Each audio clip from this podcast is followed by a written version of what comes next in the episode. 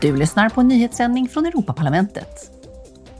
Idag håller undersökningskommittén för Pegasus och andra spionprogram en utfrågning om hur privata aktörer använder spionprogram. I utfrågningen deltar Europaparlamentets ledamöter och ett antal experter på området.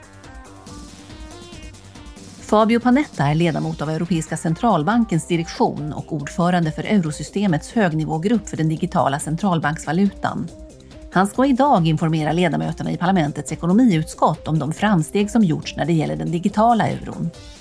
Den digitala eurons effekter på ekonomisk stabilitet, monetär politik och betaltjänster måste fortfarande utvärderas.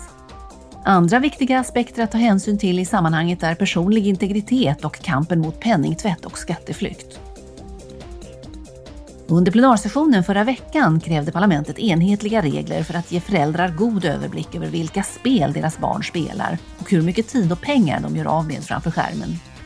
Enligt parlamentarikerna måste spelare skyddas bättre från manipulativa metoder och beroende.